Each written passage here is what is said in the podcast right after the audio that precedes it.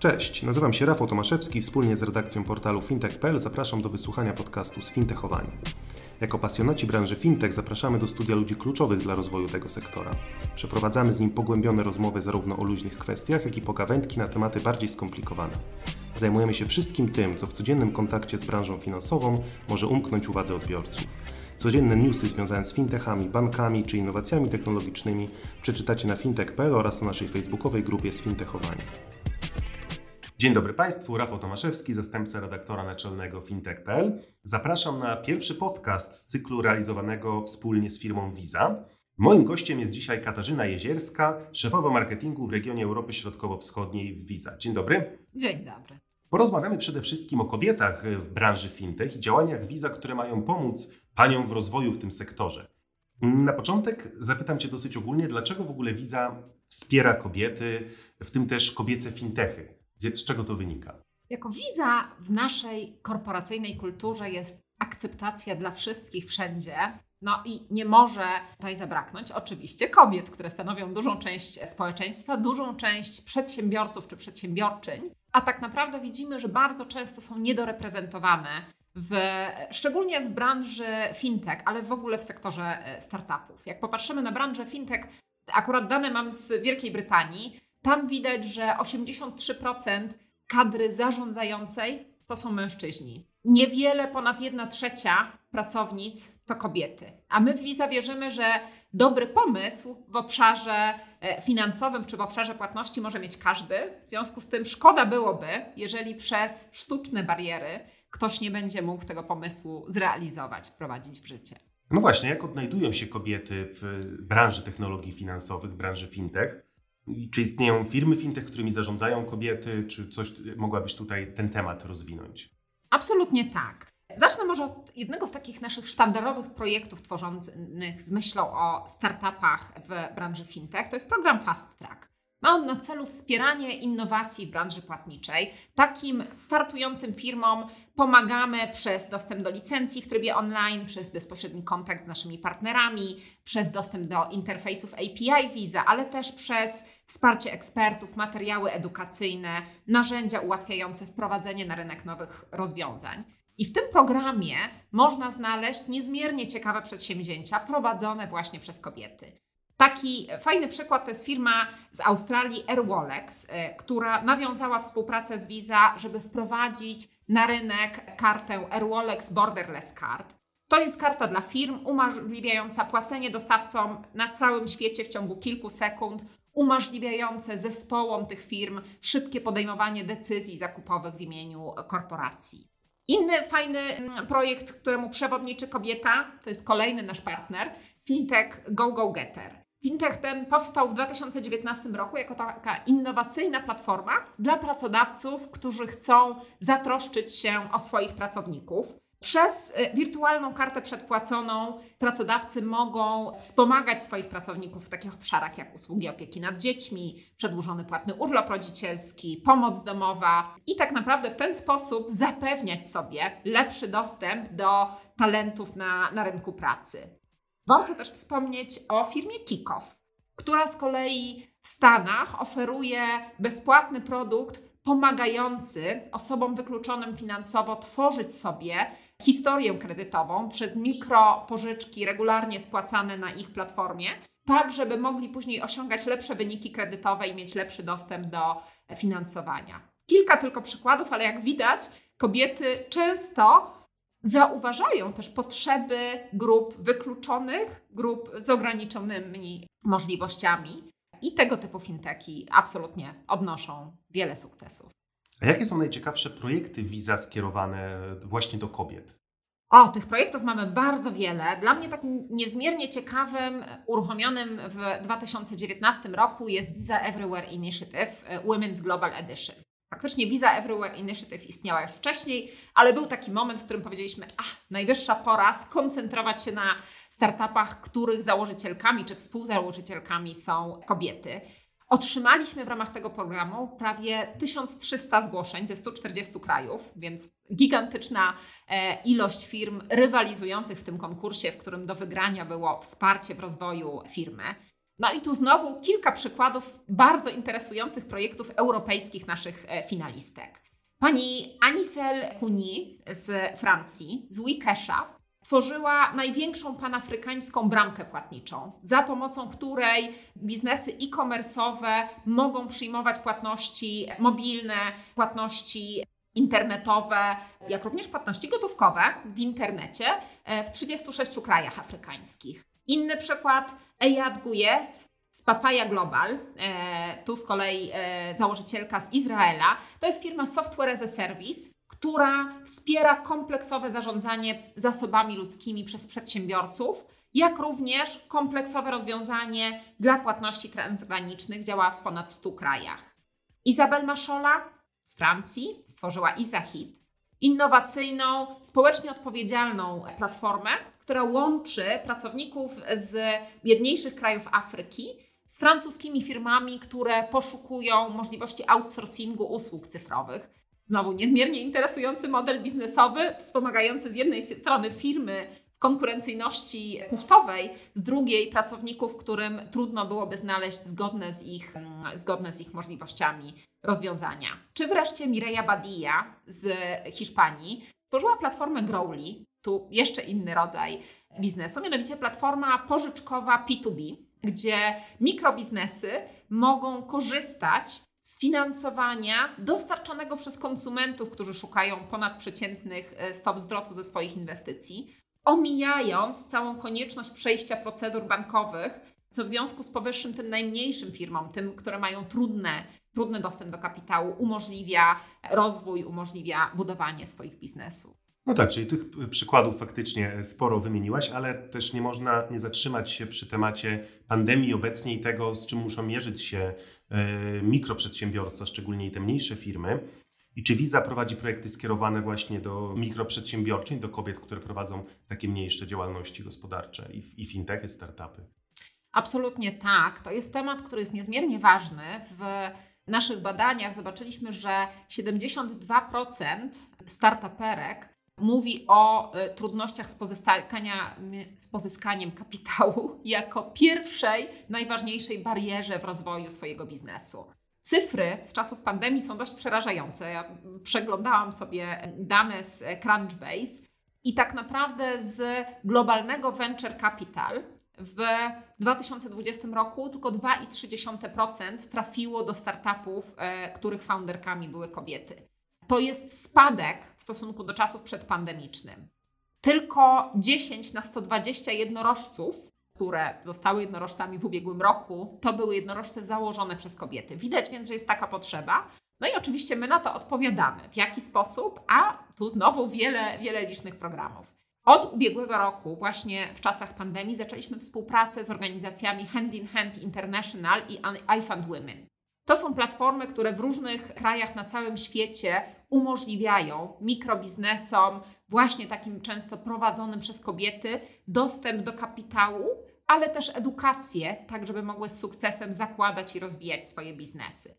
W Stanach pracujemy też z Female Founder Collective, założonym przez Rebekę Minkow. W ramach tego projektu prowadziliśmy przede wszystkim warsztaty dotyczące właśnie strategii pozyskiwania kapitału i kredytów dla e, małych firm. Przekazaliśmy to już w 2017 roku 20 milionów dolarów na Women's World Banking, który przez 56 instytucji w 31 krajach wspiera właśnie kobiece właścicielki małych i mikrofirm w pozyskiwaniu kapitału, w rozwoju ich biznesów. Tutaj mówiliśmy o wielu przykładach z całego świata, więc teraz może przenieśmy się na ten lokalny polski rynek. Jakie działania prowadzicie tutaj w Polsce? Co byś mogła powiedzieć na ten temat? Faktycznie zaczęłam od przykładów globalnych, bo Visa jako marka globalna bardzo wiele robi na całym świecie, ale z przyjemnością powiem, że prowadzimy takie działania również w Polsce. Przede wszystkim we współpracy z e, Fundacją Kobiety i Biznesu e, zaangażowaliśmy się w program Top Women w e-biznesie. To jest program edukacyjny, w którym bierze udział kilkaset przedsiębiorczyń, które albo już założyły, albo planują założyć swoją firmę właśnie w biznesie online w ramach którego uczestniczki dostają całościową edukację na temat podstawowych narzędzi do prowadzenia biznesu online, pozyskiwania kapitału i tego, w jaki sposób tę działalność mogą z sukcesem rozwijać. Druga organizacja, z którą tutaj w Polsce pracujemy, o niej wspominam z wielką przyjemnością, bo e, sama e, działam tam jako mentorka już od kilku lat, to sieć przedsiębiorczych kobiet, która organizuje takie programy jak Biznes w kobiecych rękach, w ramach której znowu początkujące bizneswomen mogą liczyć na całościowy program edukacyjny, mentoringowy, program wsparcia w stworzeniu, założeniu i rozwoju swojego biznesu. Też pozwolę sobie troszkę pogłębić to pytanie. Ostatnie, jak uważasz tak z Twojej perspektywy, z perspektywy Visa, jak wygląda przedsiębiorczość kobiet w Polsce, też tak w odniesieniu do y, rynku europejskiego na przykład, do innych krajów zachodniej Europy? Czy tutaj polskie kobiety jakoś y, odróżniają się od, od, od, y, kobiet w innych krajach? Czy raczej te wskaźniki są podobne tego, ile firm prowadzą, czy właśnie jak można tutaj jakoś ich tą przedsiębiorczość skategoryzować? Polskie kobiety są bardzo przedsiębiorcze. To jest faktycznie bardzo ciekawy i taki, e, no myślę, że cieszący, cieszący trend. Widzimy, że faktycznie powstaje co roku bardzo wiele e, kobiecych biznesów, że kobiety mają interesujące pomysły, szukają rozwiązań, szukają pomysłów. No i tutaj, jak zawsze, zachęcamy gorąco e, do współpracy z nami, do współpracy z organizacjami, które wspierają, które edukują przedsiębiorczynie, bo każdy pomysł zasługuje na to, żeby dać mu szansę. Jasne. Mówimy dużo o biznesie, ale wiem, że Wiza wspiera kobiety nie tylko y, w biznesie, ale też na boiskach sportowych na przykład. I co dokładnie robicie, aby wesprzeć pozycję kobiet y, właśnie w sporcie?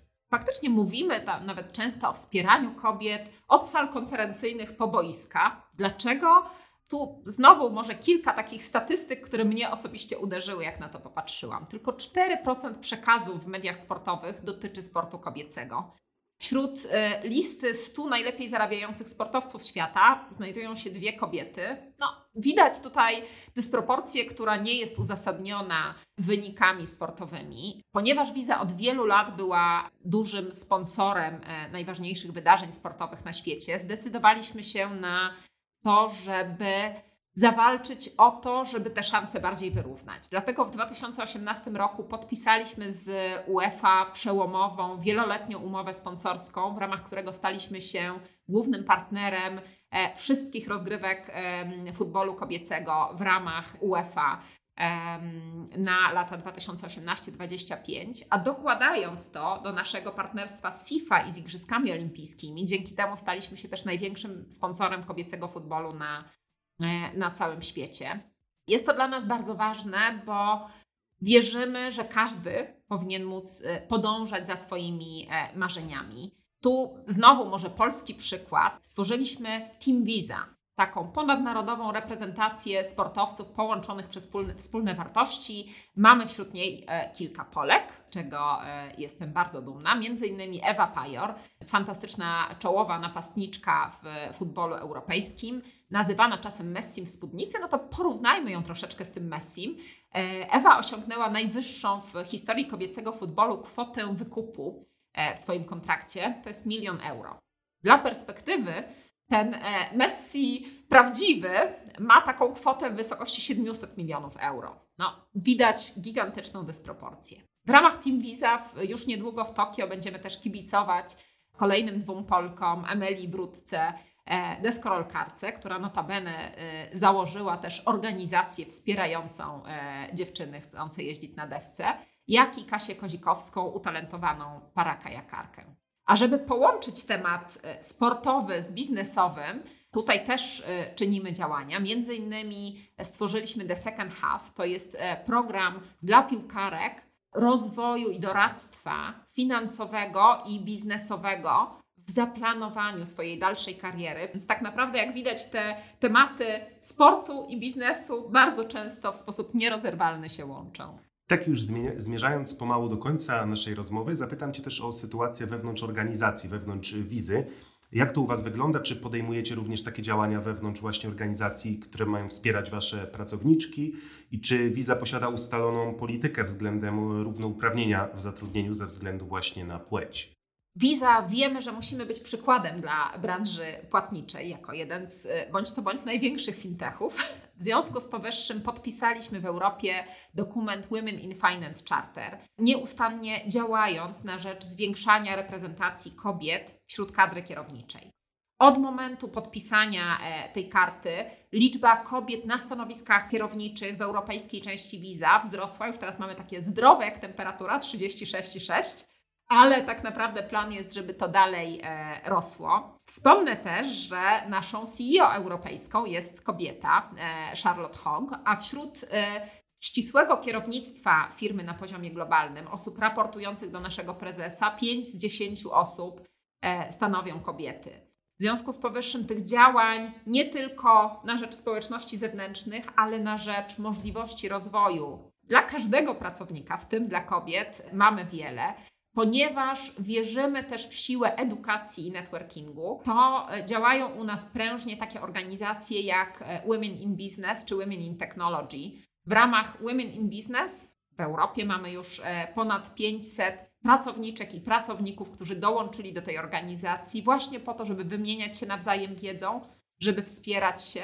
No a my też wychodzimy z tym na zewnątrz. Między innymi w marcu przy okazji Dnia Kobiet zorganizowałyśmy tutaj z koleżankami spotkanie e, dla kobiet z branży płatniczej, gdzie wiodące, e, wiodące wpływowe kobiety z branży płatniczej dzieliły się swoimi doświadczeniami w tym, w jaki sposób wspierają inne kobiety.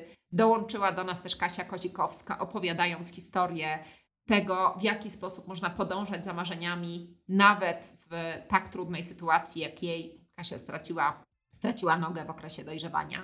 W związku z tym myślę, że to, co niezmiernie cieszy, to jest takie zaangażowanie na wszystkich płaszczyznach i kwestia tego, że zawsze szukamy tych rozwiązań dla wszystkich. Oczywiście panowie również należą i są mile widziani w tych organizacjach. I myślę, że tutaj możemy postawić kropkę. Gościem podcastu fintech.pl była Katarzyna Jezierska, szefowa marketingu w regionie Europy Środkowo-Wschodniej w Visa. Dziękuję bardzo za rozmowę. Dziękuję panu, dziękuję państwu. Ja nazywam się Rafał Tomaszewski i zapraszam na kolejną audycję już wkrótce.